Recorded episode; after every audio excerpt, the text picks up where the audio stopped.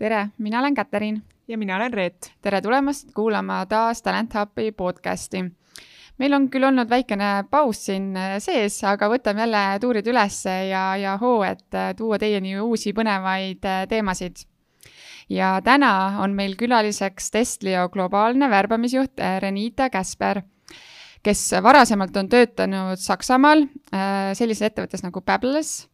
tiimliidina äh,, tähendab mitte tiimliidina, vaid äh, talent acquisitions liidina äh,. ja enne seda töötas ta CV keskuses äh, värbamisjuhina ning äh, tänases äh, saates hakkame rääkima maailmatrendidest, mis on muutunud värbamises ja kuidas Testlio kolmekümne kahes riigis täielikult remote äh, tiimis äh, töötab ja värbab. nii et head kuulamist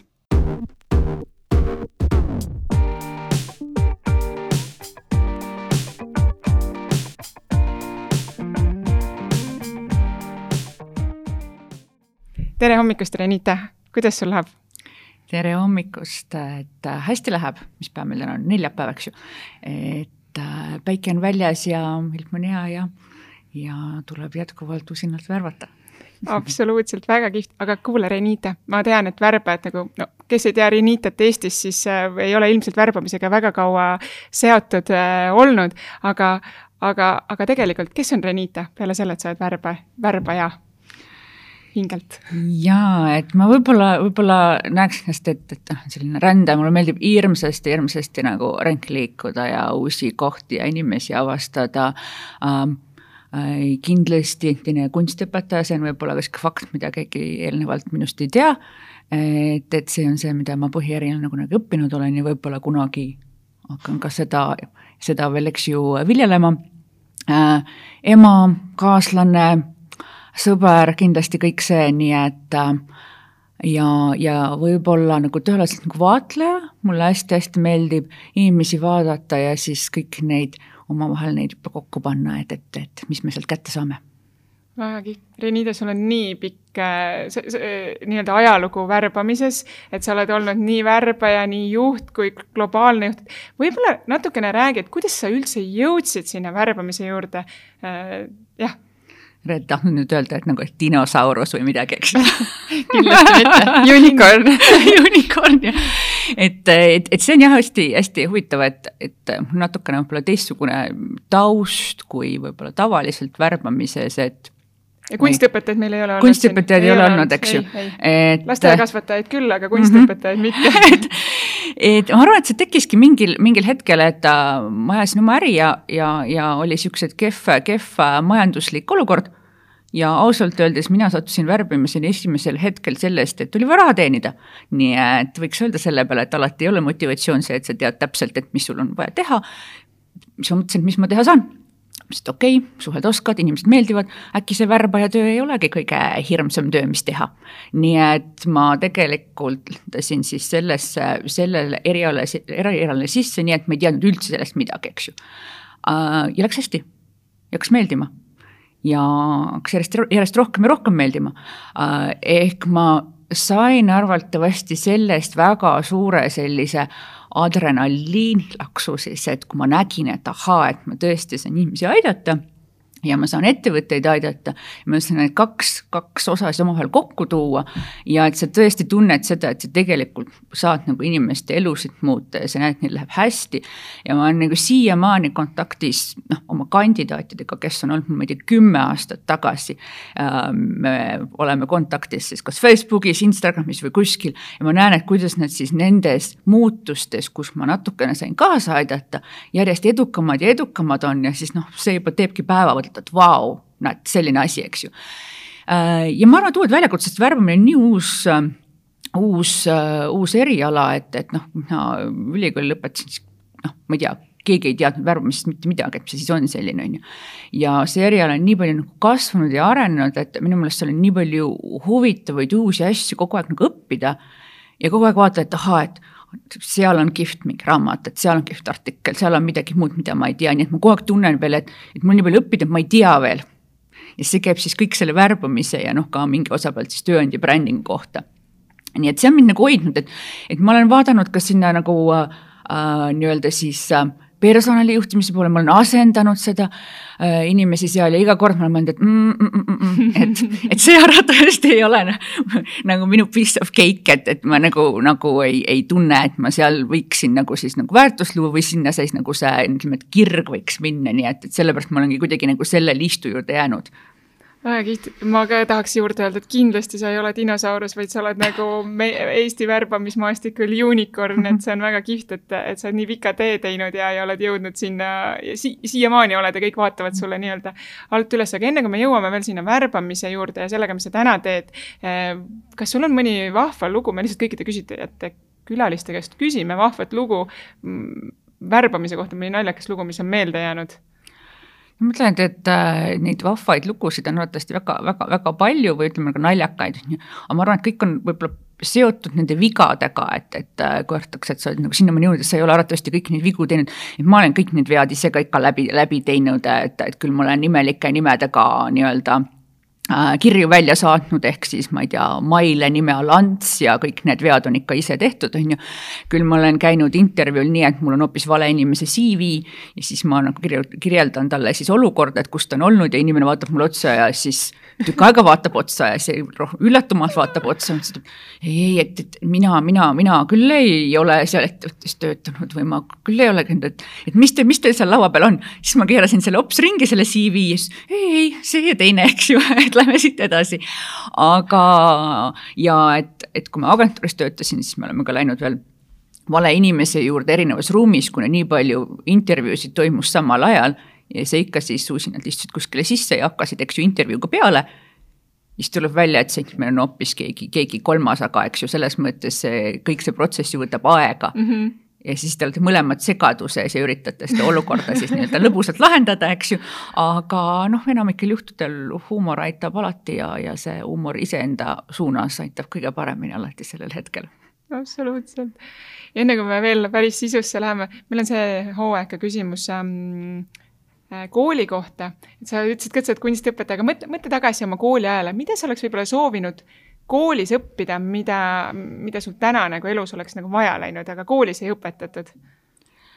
ma arvan, et selliseid võib-olla äh, enesega toimetuleku oskus või enese väärtustamisoskus ja et noh, mina olen sellisel koolis, kui sellistest teemadest üldse ei räägitud, et et noh, et sa oled näiteks piisav selline, nagu sa oled, et et ma arvan, et hästi-hästi palju inimesi kasvas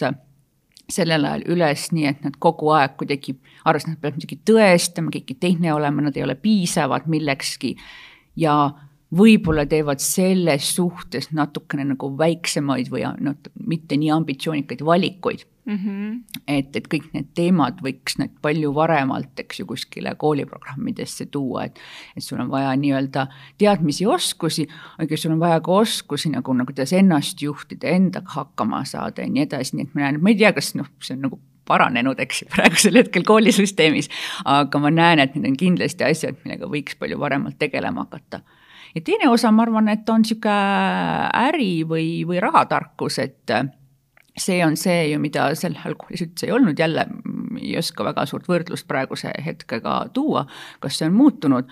aga et, et see, see teadmine ju ükskõik, mis alal sa siis ei hakka oma karjääri tegema, väga oluline, et sa saad ka aru, et kuidas ikkagi maailm meie ümber nagu ringleb ja et kuidas sealt siis nagu paremini toime tulla väga head mõtted, ma olen igal juhul sinuga sada protsenti nõus ja ma kardan tegelikult, ma lihtsalt ütlen juurde, et ma kardan, et tegelikult see äh, vaimse tervise osas kindlasti sellest natukene räägitakse rohkem, aga see keskkond on, on kümneid kordi nagu keerulisemaks mm. läinud äh,, kui see oli võib-olla meie aegadel. aga väga mm. head mõtted. nii, aga mina võtan siit üle ja ja, ja tahaks sinu käest natuke uurida ka, mis maailmas toimub, et, täna sina Estlias äh, nii globaalses ettevõttes kindlasti ja pluss seda ka, et sa oled olnud äh, nii erinevates ettevõtetes veel, et äh, jälgid, mis maailmas toimub, et kuidas sulle tundub, mis on muutunud peale koroonakriisi, peale mm, Ukraina kriisi, et mis trendid hetkel on värbamismaastikul? Ja ma arvan, et me peame järjest rohkem õppima seda, et kuidas erinevate kriisidega toime tulla, sest tundub, et see ähm, kriis on nagu meie nüüd ütleme, selline igapäevasus või igapäevasuse osa, et et ma mäletan, kui see koroonakriis nagu algas, et siis me kõik rääkisime, eks ju, et on mingisugune uus normaalsus või new normal, eks ju. ja minu jaoks oli hästi üllatav, et noh, et inimesed nagu tõid seda termini või siis kasutasid seda aastaid, et noh, see ei saa enam olla ju uus normaalsus, kui see jätkub, eks ju, igapäevaselt, eks see on siis see, kus me nüüd, kus me nüüd elame ja, ja ma arvan, et see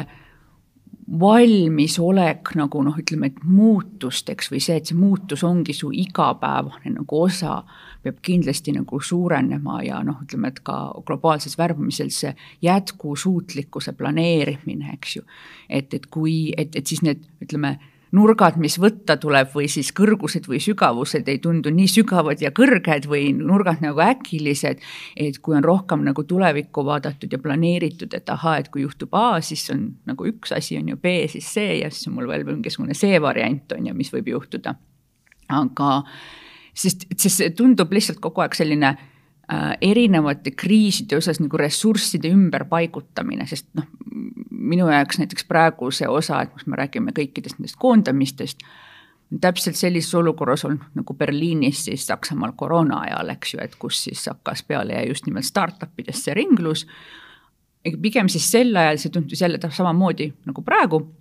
et ressursside ümberpaigutamine, sest noh, ma, ma arvan, et olete kõik nõus, et ükski insener ilma tööta ei jää või ükski data analüüst või, või keegi sealpool ja ma arvan isegi ka mitte värbaja, eks ju. et, et kõik need olukorrad on, on võib-olla miskit, mida me saaks paremini vältida, et nad ei läheks nii suuresti nii käest ära, aga ma arvan, et me saame rohkem valmistuda siis selleks, et tegelikult arvatavasti tulevikus need ressursid paiknevad üha kiiremini ja kiiremini ümber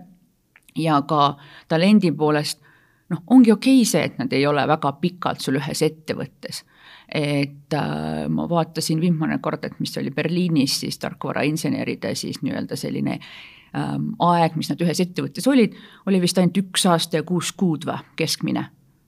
Mm -hmm. nii et, et, et ja ma arvan, et see tegelikult nagu väheneb ehk, ehk võib-olla rohkem isegi tuleb selline nagu gig economy veel rohkem sisse ka tava mm -hmm. siis töövõimalustesse ma korra küsin vahele siia, et, et kas see siis äh, tegelikult peaks ettevõtted nagu see mindset'i poolelt juba täiesti nagu shift ima, et nad ei otsigi endale enam kolmeks või viieks mm. aastaks töötajaks, vaid nagu maksimaalselt kaks aastat ja, ja, ja mõelda sellele, kuidas nagu kiirelt siis ta nagu tööle saada, et ei olegi mingisugust, me ei räägi enam mingist aastasest sisseelamisest nagu lõplikult või? ja ma arvan, et seal ongi üks võtmekoht, et äh, kui nagu heaks me saame kõik need onboarding'u protsessid või sisseelamise protsessid siis tuunida, on ju, et, et mida seal saab juba ära teha, et see inimene oleks võimalikult kiirelt siis valmis, eks ju, väärtust looma et talle on selge, mida temast oodatakse, eks ju, et me loome siis süsteemid, materjalid, koolitused, ähm, mingid tugisüsteemid, mis teda aitavad selles, on ju. Äh, ja, ja see osa on nii kiirelt tehtud, et sealt hakkab nagu kiiremini tagasi tulema, et me ei saa oodata, sest muidu me jäämegi sinna, et, et noh, jälle see aasta või aasta ja kuus kuud saab mööda ja hops, me ise tunneme, et aga tegelikult, eks ju, inimene veel ei loonud väärtustki ettevõttele. noh mm -hmm., tihtipeale just seda kuuled juhtidelt, ahaa, et ta peab ettevõttes olema ma ei tea, kaks aastat, kolm aastat ja alles siis, siis me hakkame nagu mingisugust väärtust lööma, noh, ma ei taha nagu sada protsenti sellega nagu nõus olla, et aga, aga jah. ma korra küsin, et see liigub selle juurde, et need onboarding'u protsessid nagu lühemaks teha, eks, aga kas siis värbamise peaks ka lühemaks ja efektiivsemaks tegema ja odavamaks ka, nagu kui ta võib-olla täna on, et kas sa seda trendi näed ka? seal on nagu kahetine ja ma ütleks, et onboarding ut ei peaks lühemaks tegema selle peaks nagu selles mõttes, et kokku lükkama hästi põhjalikuks mhm. tegema, eks ju, et, et see ei ole lihtsalt see, et sa tuled sisse ja siis noh, hakkad vaatama, kuidas asjad käivad. vaid see tegelikult ikkagi on nagu noh, väga süstemaatiline protsess ja seal on hästi kindlad nagu eesmärgid juba loodud, noh näiteks ma ei tea, kolmkümmend, kuuskümmend, üheksakümmend päeva, et mis sinult oodatud on, on. ja mis sa siis kõik selleks, selleks ajaks pead, eks ju, läbi töötama, on ju. et äh, värbamise poole pealt, et kui see protsess, noh, see on kahetine, eks ju, et et, äh, et Tesla poole pealt võingi öelda, et, et vahetevahel annab see pikem protsess sulle siis selle võimaluse, et inimene teab paremini, mis ta ootab, ehk siis ootuste nii-öelda manageerimine on paremini tehtud. noh, näiteks Tesla puhul see on hästi oluline, kui me värbame ehk ju siis äh, peaaegu kõiki remote ehk siis kaugtööle äh, ja nad on kõik siis distributed by design, et nad on kõik üle maailma laiali. et siis on nagu väga-väga oluline, et see inimene tegelikult saab aru, mis talt ootaks, oodatakse, kuidas ta tööle hakkab, mis see set-up on, kas ta on valmis selleks, et ta peab kõik selle töö iseendas ära tegema ja seal me oleme näinud, et, et rohkem selliseid kokkupuutepunkte on parem kui vähem sest muidu võib juhtuda see, et ta tegelikult on noh, väga vaimustatud oma tööst, sellest ettevõttest, aga tegelikult see siis no ütleme, setup või see olukord, kus ta tööle peab hakkama, on tema jaoks uus ja ta ei noh, ei tulnud toime siis kaardistamaks kõiki neid ohukohti või asju, mis talle ei pruugi sobida ja võib juhtuda, et see töösuhe sellepärast jääb siis hästi lühikeseks. samas, kui noh, tegeleda, ütleme võib-olla sellise mm, tavapärase värbamisvormiga, kus need inimesed on siin kohapeal olemas, eks ju siis ma pigem ütlen, et, et seal peaks mõtlema, et mis, mis siis kõik need protsessi osad, mis väärtust nad loovad, et vahetevahel ma näen nagu ja, ja see on ka omaette võttes, et miks need inimesed kõik on seal. et milline, et kõik need värbamisprotsessi osad, et miks see inimene seal on, et mis väärtus tal on, mis osakaal on tema arvamusel. vahetevahel ma näen inimesi seal, kelle pärast ütleme, et nende siis arvamust, scorecard'i keegi ei loe või teie arvamus ei ole oluline, aga siis ta ei peaks seal olema, eks. Et noh, et miks me teeme seda mm, -hmm. on hästi-hästi-hästi oluline sealt aru saada äh, ja, ja loomulikult siis arvestada seda, et mis turul sa mängid, kelle vastu sa mängid, et sa ei ole omaette, eks ju, kuskil pakkumis, et see ju annab sulle ka ikkagi nagu ikkagi piirid ette, äh, kellega sa siis võistled, mis turul, kuidasmoodi ja, ja kuidas siis need teised seal samamoodi teevad, et sul peab ikkagi mingisugune eripära olema, et miks sind siis eelistada või mis sina annad, et miks nad sinuga peaksid tahtma liikuda, eks ju aga kui tulles veel korra nüüd tagasi, ähm, mis maailmas toimub, et kas teie näete ka praegu seda, et et palju räägitakse, et kandidaate on jäänud vähemaks või valmisolek töökohta vahetada on vähenenud, et ähm, kuidas sina seda kommenteerid, kas te näete seda kinnitada või pigem mitte? Küll ei kinnitaks, et, see valmisolek on vähenenud, ma arvan, et pigem inimesed on teadlikumaks muutunud ja, ja noh, võib-olla ei torma pea ees nagu igale poole ja ja julgevad rohkem küsida küsimusi, julgevad küsida neid küsimusi juba ka väga protsessi alguses, mis vahepeal värbas ja üritab, et ahah, miks ta küsib kohe, et palju sul raha on näiteks, ahah mõtlesin, et mina küsiks ka, et ma oleks ka niisugune väga kehva kandidaat, et küsin täpselt, et mis ma tegema hakkan, mis eesmärgid on ja palju sul on, eks ju, pakkuda. teisel juhul ma ei hakka rääkima sinuga üldse edasi, eks ju. et ma arvan, et inimesed on rohkem valmis tegelikult rääkima ja neid esmaseid kõnelusi pidama, aga siis sa pead tegelikult olema ikkagi valmis selleks, et talle siis nagu põhjendada, miks, mille pärast, mis see töö sisu, pakume nii edasi ütleks, et kandidaate nagu vähemaks on jäänud, et, et et mm -hmm. ja sa ju tegelikult ju ei tahagi, et sul ei ole vaja tegelikult mingisugust massi, vaid sul on vaja ju õigeid kandidaate, et minu arust sul kaks, ega nad on nagu äh, need, keda me tegelikult otsime. et ma seda, seda, seda trendi nagu ei näe. ma nägin natukene seda siis, kui Covid hakkas, et siis pigem inimesed muutusid ettevaatlikumaks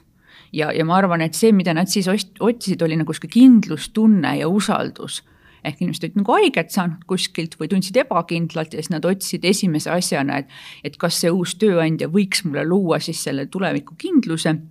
ja usalduse, et siis noh, ütleme selle ettevõttega või selle tootega nagu, et midagi ei juhtu see küll ja ma arvan, et see usalduskriis kui selline noh, on jätkuvalt, eks ju, kuskil seal taga olemas ja kui me näeme kõiki neid koondamisi, siis see ju tekitab sedasama, on ju, et, et et, et, et kuida-, kuidas see ettevõte hoolib või et, et kus see usaldus on, et ma arvan, et see on mm. oluline, aga aga ma ei näe, et neid kuidagi nagu, nagu noh. ei, väga hea, et sa seda sama, sest et tegelikult meie oleme ka arutanud seda, et me ka ei näe, et tegelikult kandidaate oleks vähemaks jäänud, et räägitakse lihtsalt sellest mm. päris palju äh, värbamismaastikul, et kuidagi on natukene nagu vähenenud ja, ja, ja kandidaate ei ole enam nii palju, et et kui me just vaatasime hiljuti ka oma numbreid, siis täpselt äh, samasugused valmisolek äh, meiega vestlusesse astuda oli kui, kui varem, et, et ei ole nagu väga oluliselt muutunud, lihtsalt praegu on rohkem valikut, tehakse vastupakkumisi, oma töötajaid hoitakse rohkem, ei lasta neid minna, et, et see, et lõplikult selle nii-öelda värbamise tulemuseni ehk siis selle töölepinguni jõuda, et see ei pruugi õnnestuda lihtsalt nii kergesti, kui ta võib-olla mõned aastad tagasi oli, et et nüüd on inimesed jah, teadlikumad oma valikutest ja, ja, ja, ja, ja, ja tööandjad teevad vastupakkumisi ka rohkem. aga mm, tahtsin veel küsida seda ka, et ähm, et kas sina näed, kuidas praegu maailmas on, et äh, kas tahetakse rohkem ikkagi remotely töötada või eelistatakse nüüd jälle tagasi äh, sinna kontoritesse äh, minemist, et äh,, et kuhu, kuhu poole maailm kaldu on? esindades ettevõttest, kellel kõik peaaegu töötajad on remote oleks millegi teistmoodi öelda, aga tegelikult ma olen alati öelnud, et see on inimese valik, eks ju, et, et see on juba nagu elustiili valik, et see läheb nii kaugele, et sa pead nagu aru saama, mis sulle sobib, mis sulle ei sobi. Uh, meie näeme, et meil on tegelikult nii-öelda võimalus siis leida talente, mida teistel ei ole, sellepärast et kui me pakume neile siis nagu remote, eks ju, et kaugtööd ja paindlikku tööd, et globaalselt siis noh, seal, kus nad, kus nad on, et et me ei relokeeri kedagi vaid värbamegi siis vastavates sihtriikides ja meil ei ole selle vastu, et kui nad siis nagu reisivad, eks ju, õiges, õiges ajatsoonis, et neil on võimalik oma tiimiga ikkagi jätkuvalt edukalt koostööd teha, et see on nagu oluline, aga muidu on nagu selles mõttes üldiselt nagu vaba. et aga, aga ma kindlasti näen ju, mul endal tuttavad, kes ütlevad, et issand jumal, et kuidas sa niimoodi töötad siis on ju et ongi siis niimoodi, et noh, kel kontorit ei olegi ja, ja, ja sa ei tahagi neid teisi inimesi näha ja, ja siis istudki siin oma kööginurga peal või kuskil ja teed oma asju, nii et nemad küll nii töötada ei saaks. nii et ma kindlasti arvan, et noh, kellel on vaja seda ja nad on, ütleme, produktiivsemad ja edukamad, siis nüüd ütleme sellises äh, kontoriruumis ja on siis teised, keda ma arvan, on nüüd ka rohkem, sest nad nüüd see Covid aitas neil õppida või aru saada, et ahaa et ma tegelikult, mulle sobib või ma tulen toime sellega ja tegelikult see avardab nagu mu võimalusi siis elada sellist elu, nagu ma tahan. et kuna noh, meil on ka inimesi, kes äh, peavad kuskilt oma väikest veiniistandust või hobusefarmi või mis iganes või näiteks USA-s inimesed on nii rõõmsad, et nad ei pea commute ima siis seal on see kindlasti meil ikkagi väga suur trump selleks, et kohalikku talenti saada, sest uus ring on seal peale tulnud, et kõik, kõik aetakse kontorisse tagasi ja siis, kui meie tuleme välja sellega, et hei, et noh, tööta, kus sa, kus sa tahad, siis nad on selle eest hästi õnnelikud, kuna jah, vahemaad on ju nii hirmsalt suured, on ju. nii et, et ma arvan, et see on nagu kahet, et sa pead nagu üles leidma selle enda õige talendi ja olema nagu hästi-hästi avatud siis nagu selles protsessis, et mida see ikkagi nagu tähendab, et me üritame hästi selgelt kirjeldada, et et, et mis siis ka selle, ütleme, sellised, ütleme, väljakutsed on, et see ei ole nii, et, et kõik näeks, et oo, mul laptop ja siis kõik on seal kuskil rannas ja pitsi peal jood kokteili ja teen tööd ka, eks ju, noh, see ei ole ju päris see reaalsus, et mismoodi see paindlik kaugtöö siis nagu välja näeb äh,. mitte, et brändingut ei võiks nii teha, eks ju. aga, aga et, et need neid inimesi on kindlasti rohkem, kes selle arusaamiseni on jõudnud ja on teisi, kes on jõudnud selleni, et mulle absoluutselt ei sobi. ja ma arvan, et see on täitsa okei okay., nii et noh, meie oleme rõõmsad, et neid on rohkem ja me saamegi need teised, ütleme, talendid siis endale, äh, kes, kes kontorisse minna ei tahtnud ja see, see on jälle minu meelest äh, see, et inimesed on teadlikumaks mm-hmm. muutunud, et nad on nagu teadlikumaks saanud, kumb neile nagu sobib või ei sobi ja saavad selle järgi otsuseid teha. aga me oleme nüüd siin nagu kogu aeg oleme natuke sisse toonud, no raske on rääkida teemadest, kui sa ei räägi see oma ettevõttest ja. Testlist, et, võib-olla räägi kuulajatele ka paari sõnaga, et, et mis asi see või mis see Testli on ja mida te teete üldse? jah, et Testli on siis, et noh, nimest, nimest tuleb välja, et testimine, eks ju, et me testime siis äh,, testime äppe ja äh, meie tiim on siis tõesti globaalne, et me oleme praegusel hetkel vist kolmekümne kahes erinevas riigis ja see ei tähenda, et meil on nüüd suured tiimid igal pool, et alati, kui ma ütlen, et mhm. kolmekümne kahes erinevas riigis, eh, siis et oh, et, et, et see on nüüd nagu võim-, võimsad seltskonnad on igal pool koos. ei, et see ongi siis äh, distributed by design äh, ettevõte, kontoreid meil ei ole, et meil viimane on Haab, mis on Eestis ajalooline järgi, aga seal käib umbes niimoodi seitse-kümme inimest, isegi inimesed, kes meil on siin kohapeal Tallinnas näiteks, ma olen neid näinud võib-olla korra aastas kontoris. nii et isegi nemad ei tule enam. et nad on ka ära harjunud sellega, et nad töötavad kodust. ja me viimase aastaga oleme kasvanud nagu ähm, ütleme, et kahekordselt, eks ju, et, et kui ma, kui ma alustasin, oli meid kuskil sada ringi, nüüd me oleme peaaegu kakssada juba. ja enamus inimesi, keda me oleme praegu värvanud, on kõik siis väljaspool Eestit kuskilt, et on keegi, kes on Indias, siis järgmisel päeval sa värbad kedagi nagu Mehhikosse, siis jälle Rumeeniasse ja, ja nii edasi väga, väga, väga põnev nagu, ma korra küsin, et sina ilmselt liitusid Teslaga siis, kui see juba oli nagu fully remote, aga kas sa tead, kust kohast see tuli nagu see mõte, et nüüd on vaja niimoodi minna ja, ja noh, las see noh, ajalooline haab jääb. aga, aga paneme ülejäänud asjad kinni. ma arvan, et seal oli palju erinevaid selliseid noh lükkajaid, eks ju, et kindlasti äh, Covid andis võib-olla selle viimase jupi sealt, aga juba enne mõeldi tõesti selle peale, et mis see mõistlik on. et ma ajalooliselt tean, et meil on olnud USA-s kontor näiteks mm. -hmm aga järelikult see ei töötanud üldse või siis tuli välja, et näiteks, et oli kallis kontor ja keegi sinna siis ei nii-öelda commute inud, kuna noh mm, -hmm. ma ei tea, et kaks tundi ei viitsinud siis sõita, siis olid kodus. ehk sa pidid mõtlema ka selle peale, et see kõik oleks nagu jätkusuutlik et miks siis omada neid äh, suuri kalleid kontoreid, kus keegi ei käi näiteks. ja, ja kui mõelda nüüd ka ütleme oma rohelisest jalajäljest, siis miks need inimesed sõidavad siis edasi-tagasi või, või miks me ütleme, et nad peavad sõitma, kui nad oleks palju õnnelikumad ja produktiivsemad seal oma, oma kodudes, eks ju. nii et, et kuidagi startup'i poolt vaadates siis mõlemat pidi kasulik, et sa saad olla jätkusuutlik, mõelda, eks ju, oma jalajäljel natukene ja anda inimestele siis tõesti võimalus töötada, nagu nad tahavad, et me küll ei ole näinud mingisugust produktiivsuse kadu, pigem meil on ikka vastupidine probleem, et me peame inimesi nagu, nagu neile selliseid piire aitama panna, et ei, et, et noh, et kui sa oled ka kodus tööl, siis ikka tuleb nagu lõunat võtta ja väljas käia ja nii edasi. pigem mulle tundub, et nad töötavad kodus kõik rohkem kui kontoris nii et, et ma seal ei ole küll näinud mitte mingisugust sellist, et oh, et ma peaks mõtlema, et mis ta, mis ta teeb seal näiteks, et hirmus mure on kogu aeg, et et sa ju oled kellegi tööle võtnud sellepärast, et sa usaldad teda, eks ju, seda mm -hmm. tööd tegema mm. -hmm. et nüüd oleks minu meelest hästi kummaline, et kui sa siis käid ja tahad iga minut teada, et mida ta siis teeb. ja no kui ta midagi ei tee, siis ta seda midagi tegemist võib kontoris ka väga edukalt teha, nii et ega mm -hmm. seal ei ole nagu suurt vahet minu arust. absoluutselt aga nüüd sajast kahesajani, see on tegelikult päris äh, selline ehm, korralik kasv. kui suur see värbamistiim teil on? me alustasime nii-öelda ühe ja poole värbajaga, värbajaga mm, -hmm. et äh,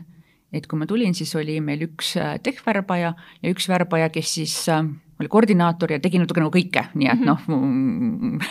igal pool natukene. ja sealt me oleme kasvanud siis praegu seitsmeliikmeliseks meeskonnaks nii et, et päris võimas kasv on olnud ka värbajate poole peal. ja meil värbajate poole pealt on ka nii, et, et me oleme päris rahvusvaheline meeskond siin Eestis ka juba aga meil üks värbaja on siis El Pasos, Texases, et et ta siis ärkab mul kuskil niimoodi meie kella järgi kella kolmest üles, siis ma pean vaatama, et ahaa, et kuidas siis tema asjad meile sinna kalendrisse jooksevad, et millal ma saan temaga rääkida ja kus meil siis tiimirituaalid on ja nii edasi. aga töötab väga hästi ja see oli tema jaoks hea võimalus, et ta saab täpselt elada seal, kus ta tahab, et et, et väga vahva võimalus äh, väga kihvt ähm,. nüüd sa tõid ka välja, et, et sa ei teagi, kas on kolmkümmend või kolmkümmend kaks on neid rahvuseid, eh, erinevaid kohti, seitse värbajat, noh, ilmselgelt ei ole igas riigis oma värbajat, aga kust nagu üldse nagu pihta hakata nagu, et kus neid nagu noh, igal pool on erinevad äh, strateegiad nagu, et kustkohast inimesi leida või, või palju nad palka tahavad saada, et räägi võib-olla nendest challenge itest ka, mis, mis on võib-olla, mis võib-olla alguses hirmutavad, võib-olla, mis, mis teie jaoks oli nagu sellised mõtted, et okei okay,, mul on vaja neid asju teada ja ma arvan, et see oli üks asi, mis tegelikult äh, mind selle väljakutse poole üldse tõmbas või miks ma selle üldse vastu võtsin, tehti oligi see, et ahaa, et kui ma eelnevalt siis pidin Berliinis äh, värbama küll rahvusvaheliselt, aga me relokeerisime kõik mm -hmm. Berliini mm, -hmm. nii et, et seal oli ikkagi nagu sellised Berliini nagu seadused ja rules ja nii edasi. siis nüüd oli nagu vastupidine probleem, et ahaa, et, et me värbame globaalselt, et et äh, nagu kõik lepingulised, et kuidas see kõik nagu välja näeb, et noh, mismoodi sellist asja üldse teha mm. -hmm. nii et noh, minu jaoks see probleem tõstatus oligi nagu huvitav kohe alguses, et ma ei ole midagi sellist teinud. noh, vaatame, et kuidas see siis toimub ja kas me saame seda probleemi nagu edukalt lahendada või, või ei saa, eks ju. ja, ja loomulikult, et et, et mille, millega ma siis algselt noh, ei arvestanud või ei teadnudki, et ta tegelikult loobki komplekssust loomulikult sellesse värbamisprotsessi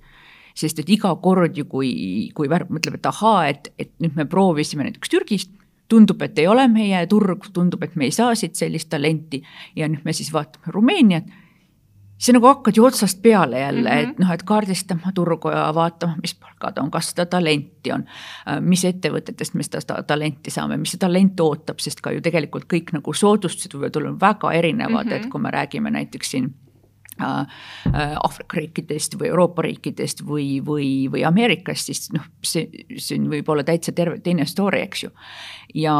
äh, ja siis ongi nii, et eks me noh, kuskilt hakkame peale ja siis kaardistame, et igalt poolt üritame siis seda datat koguda, et ahaa, et et kõik need kandidaadid küsisid seda või nad mainivad sellist asja ja nii edasi, et ega sa algselt peadki hakkama siis ütleme turu-uuringust peale äh,, värbajad saavad ise palju küsida, kui sa tunned kedagi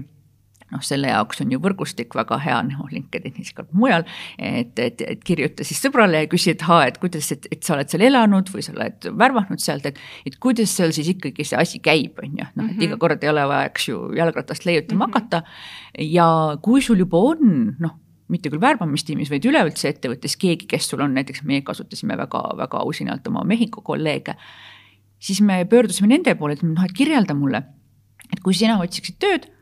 mis sa teeksid, kuhu sa läheksid, kus sa käid, eks ju, et mis sulle oluline on, on ju. et, et siis sa saad hakata juba natuke selle kandidaadi nii-öelda siis seda persoonat nagu kaardistama läbi kogu selle info ja teadma paremini, et ahah, et mida on üldse mõtet teha, mida ei ole mõtet teha. mõnelt turult me tuleme väga kiiresti välja, kuna me näeme, et näiteks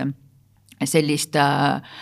kas freelancer'ina viiena või siis ütleme kontraktorina töötamist ei soodusta nende süsteem üldse mm. -hmm noh, siis meil ei ole mõtet tegelikult, eks ju, siis ju kedagi sinna intervjueerimisprotsessi lükata, kui me teame, et see on hästi keeruline. no mm -hmm. näiteks Saksamaa on üks, üks selliseid kohti, et kus on, meil küll üks inimene seal on, aga, aga noh, ma annan talle au, et ta on ennast läbi närinud kogu sellest bürokraatiast, sest ma ise nagu sealt tulles ja olles, kindlasti kui keegi pakuks mulle sellist varianti, ma ütleks, et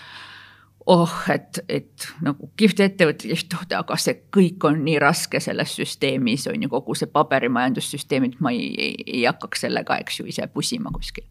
Renita, kas ma saan õigesti aru, et te tegelikult ongi, te võtate nagu riik riigi haaval äh, nii-öelda testite nagu mm. testijast kombeks ja yeah. testite seda ja kui seal tundub, äh, et see süsteem toetab, siis te lähete süvitsi asja sisse jah, jah, sest et, et, et, et selle mõtet, et küll meil need kuulutused on niimoodi noh, a la Global ja EMEA ja vahetevahel mm, -hmm. kui sa otsid Rumeeniast mm, -hmm. keegi kandideerib sul Türgist ka mm. -hmm. et, et, et see on nagu ok, aga jah, et me katsume nagu keskenduda mõneks ajaks kellelegi turule mm -hmm. ja vaadata, mis sealt siis saab, et kas me saame nagu ütleme, et selliste oskustega talenti, keda me ka jõuame, eks ju, lubada ja kas siis see üleüldine nii-öelda ökosüsteem seal ümber on selline, et ta toetab ka sellises vormis nagu töötamist. Äh, ka me peame vaatama, kas sihuke kaugtöö või remote ja kõik sellised asjad on midagi, millega mm -hmm. nad on nagu harjunud mm. -hmm mõnes kohas ka seal on, eks ju, veel selline, ütleme, päris suur väljakutse, et, et see oleks nii uus olukord inimesele, et noh, ta ütlebki, et, et, et ma ei tea, et nii uurisin, uurisin ja vaatasin seda ja teist, aga et, et ma praegu ei ole veel valmis niimoodi nagu tööd tegema või värbaja seisukohast mul tekib, tekkis kohe, kas teil on nagu mingisugune, mingi formaat ka nagu selline nagu nii-öelda riigi ankeet, mida siis ongi, et sul on nagu siis kolmkümmend kaks erinevat ankeeti, võib-olla viiskümmend, võib-olla seitsekümmend, osades ju ei toiminud see värbamine, et sa siis nagu kohe tead, et ma mõtlen, aa, et ma tahaks sinna kuskile Kasahstanist nagu, siis ma saan vaadata, mis, mis seis seal Kasahstanis siis oli, et me käisime ju kunagi seal, et mis need ehm, noh, need tulemused seal olid või, või kuidas te seda nii-öelda ähm, dokumenteerite, seda infot, mis teil välja, välja uur-, urgitsete? noh, värbajad ise, ise nagu iseenda jaoks pigem dokumenteerivad seda ja siis noh, loomulikult tiimis vahetavad. meil on hästi palju selliseid nii-öelda evergreen, eks ju, positsioone, mis on hästi testlio, ütleme pärased, eks ju. noh, nagu töökoht nagu testing manager või engagement manager või näiteks test lead. ehk kui mõned otsivad siis tarkvarainsenere niimoodi, et see on nagu niisugune no mitte kunagi lõppev protsess, siis meie otsime selliseid positsioone ka nii et, et siis on nagu kindlad värbavad, värbajad, kes tegelevad konkreetselt selle mm, positsiooniga, kes endale on juba loonud sellise noh, ütleme, et ülevaate, kus ja mis. Ja me peame väga tänulikud olema, et, et, et, et kellelgi kunagi oli hea idee, et me peame värbama endale kas siis nii-öelda benefits ja rewards mänedžeri, et temast on olnud meile ikkagi väga suur abi selleks, et ära kaardistada ja teha ka väiksed niisugused kalkulaatorid, et erinevatest sellistest palgavahemikest ja mida me pakume, kust me pakume, mis toetaks nii värbavat juhti kui värbajat, sest noh, muidu on see, et igal maal sul hakkab otsast peale, eks ju see et kui sul info on, keegi kogus kokku, eks ju, tegi see, pani selle süsteemi, siis see juba tegelikult toetab nii palju, et on lihtsustanud seda protsessi sest algselt oli tõesti nii, et iga maa ja iga inimesega hakkas siis see, et ohoh, küsib see, aga ma ei tea, mis need maksud on, et kas see on normaalne, ei ole normaalne, on ju. et, et siis seda osa muidugi on äh, palju vähemaks jäänud ja, ja see, et, et meil on selline inimene mahes, kes on suutnud sealt nagu tugevad süsteemid üles ehitada, on aidanud ikkagi väga palju kaasa, et, et protsessid on lihtsamad, arusaamad kõigile ja, ja nagu teisel pool on ka värbav juht, kes võib sul olla hästi segaduses ju, et mm -hmm. ahaa, et tahaks nüüd seda inimest kindlasti värvata nüüd sellisel turul ja siis sa pead ju hakkama sealt algselt, eks ju, neid ootusi juba nagu manageerima mm, -hmm. et mhm. kas see üldse on võimalik, ei ole võimalik, mis need palgad seal on, kas, kas need skill'id seal on või ei ole. aga selleks on ju kogu seda, eks ju, ikkagi seda infot vaja, et mille põhjal sa siis teed, on ju. mõnel, kui sa alustad, pole kogemustki, kus sa oskad öelda, et kas siis on mõistlik või ei ole mõistlik väga hea, et sa ise nagu liidisid ka sinnapoole, ma tahtsingi küsida, et kuidas, aga kuidas te siis nagu, et ühesõnaga, kas ma saan õigesti aru, et igas riigis või igas regioonis tegelikult on ikkagi erinev süsteem, et ei ole niimoodi, et kõik need äh, testing lead'id või testing manager'id, keda sa siin nimetasid, et siin on nüüd nagu see flat äh, salary on selline, et tööta kus tahad, et, äh, et on selline, vaid on ikkagi seotud väga selle asukoha või selle regiooniga? jah, ikkagi, et, et me arvestame ikkagi seda nüüd koha elutustasuse indeksit, eks ju, et, et, et vaadata, et, et mis, mis siis, mis siis see ümbritsev süsteem on, et kus see inimene ikkagi elab, et ei ole päris nii, et, et me nagu siin oleme kuulnud turult, et ahaa, et meil on San Francisco palgad ja siis me paks-, pakume neid globaalselt, et ükskõik, mhm, kus see mhm, inimene on, et mhm, et noh, ma arvan, et see tegelikult ei, ei ole nagu jätkusuutlik ja ja, ja, ja teise külje pealt võib-olla, mida, mida ei vaadata, on see ju ka see, et, et sa võid niimoodi seda kohalikku majandust või seda kohalikku ökosüsteemi nagu lõhkuda, et et kui sa hakkad siis seda, seda tegema, et sul on nagu selline hästi võib-olla äh, rahakas ettevõte kuskil on ju, ütled, et ah, et mul on seda talenti kindlasti vaja, et noh, ma ei tea, lähen nüüd kahest Kasahstani turule maksan San Francisco palka mm. -hmm. et aga seal on võib-olla ka kihvt startup'ide ökosüsteem ja kohalikud inimesed, kes on väga vaeva näinud ja püüdnud ja nii edasi, nii et noh, neil saab olema absoluutselt võimatu mingisugust talenti pärast siis selliseid asju nagu värvata, et kui neid inimesi või ettevõtteid saab olema rohkem, kes niimoodi, eks ju, noh, käituma hakkavad. nii et ma arvan, et ka sealt peaks vaatama sellist võib-olla üleüldist majanduslikku jätkusuutlist, jätkusuutlikkust või eetilist vastutustunnet, et, et, et mida ma siis ikkagi teen või kas ma toon ainult enda siis nii-öelda äh, esikohale, et, et mis mina või minu ettevõte tahab sa korra mainisid ka, et, et te vaatate seda äh,, neid indekseid ja asju, et kui ka elukalliduse indekseid ja asju, kas sul on kuulajale võib-olla mingi soovitus, et on teil mingi kindel tööriist, on see ise välja töötatud, on see internetist kättesaadav, kus sa paned lihtsalt mingeid numbreid või positsioone sisse või, või mida teie kasutate? ja et, et meie, meie siis äh, reward manager on ise, ise okay. selle välja töötanud, nii et. et ühesõnaga kuulajad peaksid minema vaatama Tesla LinkedIn'i, kes on reward manager ja siis, äh, kui on ikkagi vaja teada mõne, mõne koha kohta infot, siis, äh, siis ta üles otsima. ta võib võib-olla, võib-olla saab hakata teenust pakkuma või midagi. Okay. ära värvata ei tohi. okei, aga Äh, kuidas on muidu nagu, no natuke sa mainisid seda kohalikku nii-öelda benefit package'it ka, et, et kas te siis puhkusepäevad arvestate ka nagu kohaliku turu järgi, kuidas te üldse teete, kui on kontraktorid ja et kui palju te pakute, et kuidas see osa teil ähm, lahendatud on? jah, et kui keegi on, eks ju, freelancer või, või, või lepinguline, et eks ju, siis ta ikkagi ise, ise ju maksab oma maksud ja, ja majandab ja vaatab mm -hmm. seal, on ju.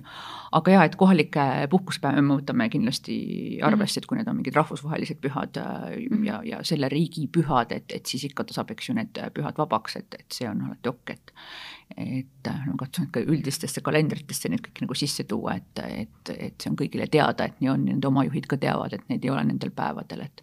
et kui mul on Eestis mingi riiklik püha, siis ma olen ikkagi siin Eestis riiklikul pühal vaba ja kui on Türgis kuskil riiklik püha, eks ju, et siis need inimesed ikkagi sellel päeval on vabad, me ei, ei sunni neid tööd tegema, eks ju. kas te saate kokku ka vahepeal? jaa, et meil on selline vahva asi kord aastas nagu Testlai on äh, nii-öelda pidustused või party. Ja, ja siis äh, me lennutame kõik inimesed siis globaalselt siia Eestisse, nii et, et me saad esimest korda noh, näha, et kus siis see startup ka pärit on, mis Eesti üldse on ja nii edasi, et enne seda on alati palju, palju küsimusi, et eks nad on ju seotud, nad teavad, et nad eks ju, Eestiga seotud ettevõttes töötavad, et siin on ka mingisugune grupp inimesi, aga väga paljudele on see esimene kogemus siis siiapoole maakera üldse jõudmisel ja ma arvan, et see on hästi-hästi vahva alati, et et väga paljudel juhtudel me ju näeme ainult seda väikest juppi inimesest, et kus on siis nagu Zoom'is seal see pea mhm. on ju, ja siis äh, me siin naersimegi, et inimesed mõtlevad, et ahaa, et sa oma ajus paned ikka ju terve inimese kokku. Et mismoodi need inimesed siis tegelikult välja näevad. Ja see on hästi paljudele hästi üllatus, et oo sa oled nii pikk või? Sa oled selline, et, et selline esimene jutt on alati selle põhjal, et oo, ma kujutasin sind hoopis teisiti ette. ja, ja see on tuttav, et nii on. Aga mm, sa nüüd natuke oled rääkinud ka nendest väljakutsetest, et äh, kui on äh, nii palju inimesi ja töötavad remotely, et äh, et võib-olla nagu mõned niisugused nipid, mida te kasutate täna, et panna see süsteem siis toimima ja ma arvan, et, et, et kui inimesed on remotely ja veel erinevatel maadel, et siis, siis tekitab omakorda veel sellise kihi keerulisust juurde. siis ma arvan, et sa pead alati noh, ka värbamisel, onboarding ul ja ka hiljem siis ettevõtte inimesi kaasates arvestama siis kogu neid ütleme, et kultuurilisi eripärasid, on ju, et mis, mis kuskil on, pluss see, et, et neil on ju erinevad kogemused võivad olla nii töökultuurist kui muudest arusaamadest.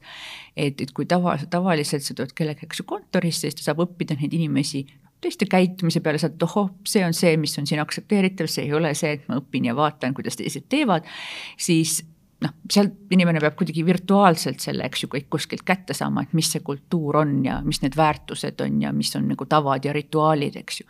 ja seda osa peab nagu hästi-hästi läbi mõtlema, et kuidas me siis ikkagi seda kaasatust niimoodi nagu noh, online teeme. Ja seal tõesti hästi palju erinevaid tegevusi, aga me kogu aeg mõtleme ja no üritamegi saada teistelt inimestelt ka siis noh, ideid, et, et mida veel võiks teha või, või mida inimesed ootavad või mis aitaks neil olla nagu rohkem kaasatud teistega, eks ju, et kui ta on kuskil, istub üksinda kuskil Türgis või Indias ja nii edasi, et, et kuidas tal siis tekib tunne, et ta on nagu osa, osa Testliost või ta on osa oma tiimist ja nii edasi.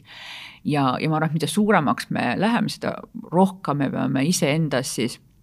tekitama niisugust teadlikkust ja, ja õppima ja kasvama ka, ütleme sellise äh, kultuurilisuse, ütleme kultuurilise arusaama poole peal, et, et kui see mitmekesisus kasvab, siis me ise peame, eks ju, kasvama ja seda tööd tegema ja aru saama, et, et, et, et mis, mis see võib olla, et kui sa töötad kuskil Indias, et mis need nagu tavad on ja, ja mis on kuskil mujal, et ma arvan, et hästi palju asju võib nagu sinna kinni jääda, mis on lihtsalt arusaamatus või äh, kommunikatsioonis ei tule välja ja nii edasi. noh, hea näide, et keegi India värbajatest siis äh, kunagi mainis, et, et äh, et niimoodi ei saa seal ikka värvata, et noh, nagu eestlased lähed hops asja juurde ja hakkad ütlema, et see on see ja see on too ja nii edasi, on ju. et ikka on vaja ju teha nagu story telling ut ja sissejuhatust ja tulebki rääkida nagu perekonnast ja ilmast ja muudest maailma asjadest, on ju. ja siis sa jõuad alles selle protsessiga edasi. Ja me siis mõtleme, et no inimene räägib nagu maast ja ilmast, ei lähe üldse asja juurde, paneme kirja selle, et ei ole nagu sihuke straight and point, eks ju, et, et võib-olla selles kommunikatsioonis on hiljem ka probleeme, on ju aga noh, see ongi kultuuriline eripära ja me ju ei too teda sealt välja, nii et ta jääb sinna, kus ta on. Nii et kui me tahame ikkagi nagu värvata inimesi, me peame nagu aru saama, et see on midagi, mismoodi see siis nüüd käituvad, need on need ootused. ja ma pean ise tegelikult ka nagu juhina mõtlema, et ahaa, et kui mul on inimene seal, siis see tähendab seda, et et näed, selle inimese jaoks ma peangi võtma rohkem aega ja rääkima nendest asjadest. ja mul teine inimene, kes ütleb, et oh, miks sa küsid siukseid asju, mis ma nädalavahetusel tegin, et pole sinu asi, ma ei taha rääkida siukest asjadest nagu. et, äh, et, et noh, sa peadki nagu õppima ja arvestama kogu seda asja ja mida suuremaks mitmekesisemaks ettevõte läheb, seda rohkem neid kihte tekib, millega sa seal pead nagu arvestama, eks ju no see on väga põnev, et, et sa tõid ka selle värbamisnüansi sisse, et võib-olla räägid veel lähemalt, et mi-, kuidas te tegelikult siis värbate täna, et mis teie selline klassikaline värbamisprotsess üldse on? jah, et ähm, ma ei oska öelda, et kas meil on niisugust klassikas, meil on hästi erinevad süsteemid, et kui, kuna meil on eks ju siis üks värbaja, kes siis tegeleb ähm, Ameerikas terve selle osaga, seal on värv natuke teistsugune, kui me näiteks värbame tarkvarainsenere siin ütleme pigem Euroopa poole peal. Äh, ühel poole peal on see, et, et sa suudad tegelikult oma tööandja brändi ja nii-öelda äh, värbamisturundusega teha päris palju asju ja saada inimesed aktiivselt kandideerima, teisel pool ikka siinpool, et, et sa pead nüüd üks, ükshaaval, eks ju ähm,, taga ajama ja kuskil rääkima, et mis asi see Tesla on ja nii edasi. ja kui noh, ja kui Eestis see tegelikult on midagi, mida inimesed teavad, siis tegelikult globaalselt me ei ole nii tuntud, nii et me peame ikkagi väga tugevalt siis rääkima brändist, kes me oleme ja näiteks, mis huvi sellel inimesel peaks olema üldse liituda. Noh, minu jaoks oli hästi huvitav just Mehhikos oli algselt selline võib-olla äh, usalduse küsimus, et aa, et kes te sellised üldse olete, on ju ja, ja et neil võtab nagu aega, aga siis, kui sa näed, et nad oled suutnud juba esimesed kaks-kolm värvata, siis nemad võivad hakata su sellisteks saadikuteks, on ju, Mhm. võivad sinuga kandidaatidega rääkida korra ja siis tekib see usaldus, ahaa, et näed, kui kui siin A ja B töötavad ja näevad täitsa rõõmsad välja, on ju, et, et siis arvatavasti ei ole nii asi nii hull, et ma võin ka selles ettevõttes tööd teha, on ju. ja meil protsessid on, ma arvan, tavapäraselt pikemad, aga meil on päris mitu sellist, ütleme nii-öelda kokkupuutepinda seal, kuna on hästi palju on erinevaid selliseid koostöögruppe äh, nii-öelda globaalselt ja parem on ikkagi, et kui inimesed teavad, et, et mismoodi ja kellega nad peavad hakkama koostööd tegema, et ka ei tule üllatus, et ahaa, et ma näiteks olen värvatud siit Indiast, et ma pean koostööd tegema inimestega siit, ma ei tea, ma ei tea, Eestist, Türgist ja Ameerikast ja nii edasi, et nad ongi kõik väga erinevad, erinevate ootustega. ja värbamisprotsessis me oleme üles ehitanud selle väga väärtustepõhiseks, me hakkame väärtustest rääkima juba hästi-hästi alguses ja, ja meie jaoks on hästi oluline et, et loomulikult inimesel oleksid oskused, aga peamine, et oleksid samad väärtused, mis testil, et see on nagu ainukene, ma arvan, selline liim, mis kogu seda seltskonda koos hoiab, sest kui nagu seda ei ole, siis ongi see, et tegelikult siis sul võiksid olla kõik nagu noh, täiesti freelancer'id, eks ju, selles mõttes siis nad teevad mingisugust ülesannet kuskilt kaugelt ja omavahel seda kokkupuutepinda nagu üldse ei ole. nii et, et see on meie jaoks hästi oluline, me praegu õpime veel rohkem seda kuskil intervjuudes siis kaardistama veel rohkem, küsima niimoodi, et me saaksime aru, et ahaa, et, et tegelikult me oleme nagu äh, ühes kohas selle kandidaadiga ja kandidaat samamoodi, et ta saaks aru, et, et, et see ettevõte siis sobitub tema väärtuste ja ootustega tema maailma, nii et, et see töö on meie jaoks nagu hästi oluline. pigem oleme seal aeglasemad kui kiiremad praegu aga meil on ta hästi tugevalt seotud sellega, et, et ma näen, et kui me juba saame need inimesed protsessi algusest edasi siis nad võtavad meie pakkumise ka vastu. ehk meie siis nii-öelda siis pakkumise vastuvõtmise rate on tegelikult päris kõrge, päris mm. kõrge, see on üle üheksakümne, nii et, et, et selles mm. mõttes. tõesti kõrge. et see on tõesti kõrge, nii et, et selles mõttes ma, kui Berliinist tulles ma võib-olla kahtlesin selles, et seal me ikkagi üritasime neid protsesse lõigata, hästi streamline ida, öelda, et hei, et jube kiire on, et, et lähme, lähme, lähme, eks ju Äh, aga tegelikult meie offer acceptance rate või offer äh, pakkumise vastuvõtmine ei olnud nii kõrgel tasemel, et pigem saime ikkagi kogu aeg seda, et ah, ma sain vastupakkumise, ah, mul see ei sobinud, too ei sobinud. siis me selle natuke pikema protsessiga on kuidagi nagu vähenenud see osa, et nad meile hiljem nagu ära ütleksid. Aga mis see pikem ikkagi on, kui, kui pikk see keskmiselt on, mitu sammu seal umbes, umbes on, no ütleme nagu mingi, mingi keskmised? no keskmine on niisugune viis-kuus ikkagi mm. -hmm. värbamissammu või viis-kuus nädalat? viis-kuus värbamissammu mm. -hmm. nüüd juhtidel veel rohkem kui viis-kuus algset mm -hmm. sammu nii okay. et, et, et seal on ikkagi meie juhtkond otsuse vastu, et päris mitu mm -hmm. juhtkonna liiget räägib selle inimesega ja parem rääkida rohkem kui vähem -hmm.. okei nii, aga lähme nüüd viimase osa juurde, sest meil hakkab aeg läbi saama ähm,. et äh, ma küsin siia Äh, kolm küsimust lõpuosasse, et äh, ühe siis meie küsimuse, mis oli ülevalpool ka. nii, aga kiired vastused, et lihtsalt mingi, mingi esimene mõte, mis sul pähe tuleb siis. Mm, äh, mis on sinu rahvusvaheline remote inimeste värbamishäkk? Mm, küsi sõbralt võib-olla on kõige parem vastus, et,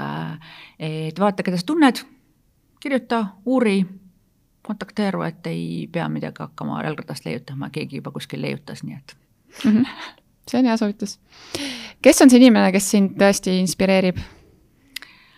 mul ei olegi ühte niisugust inimest ausalt öeldes, ma mõtlesin selle peale kodus, aga mind inspireerivad väga-väga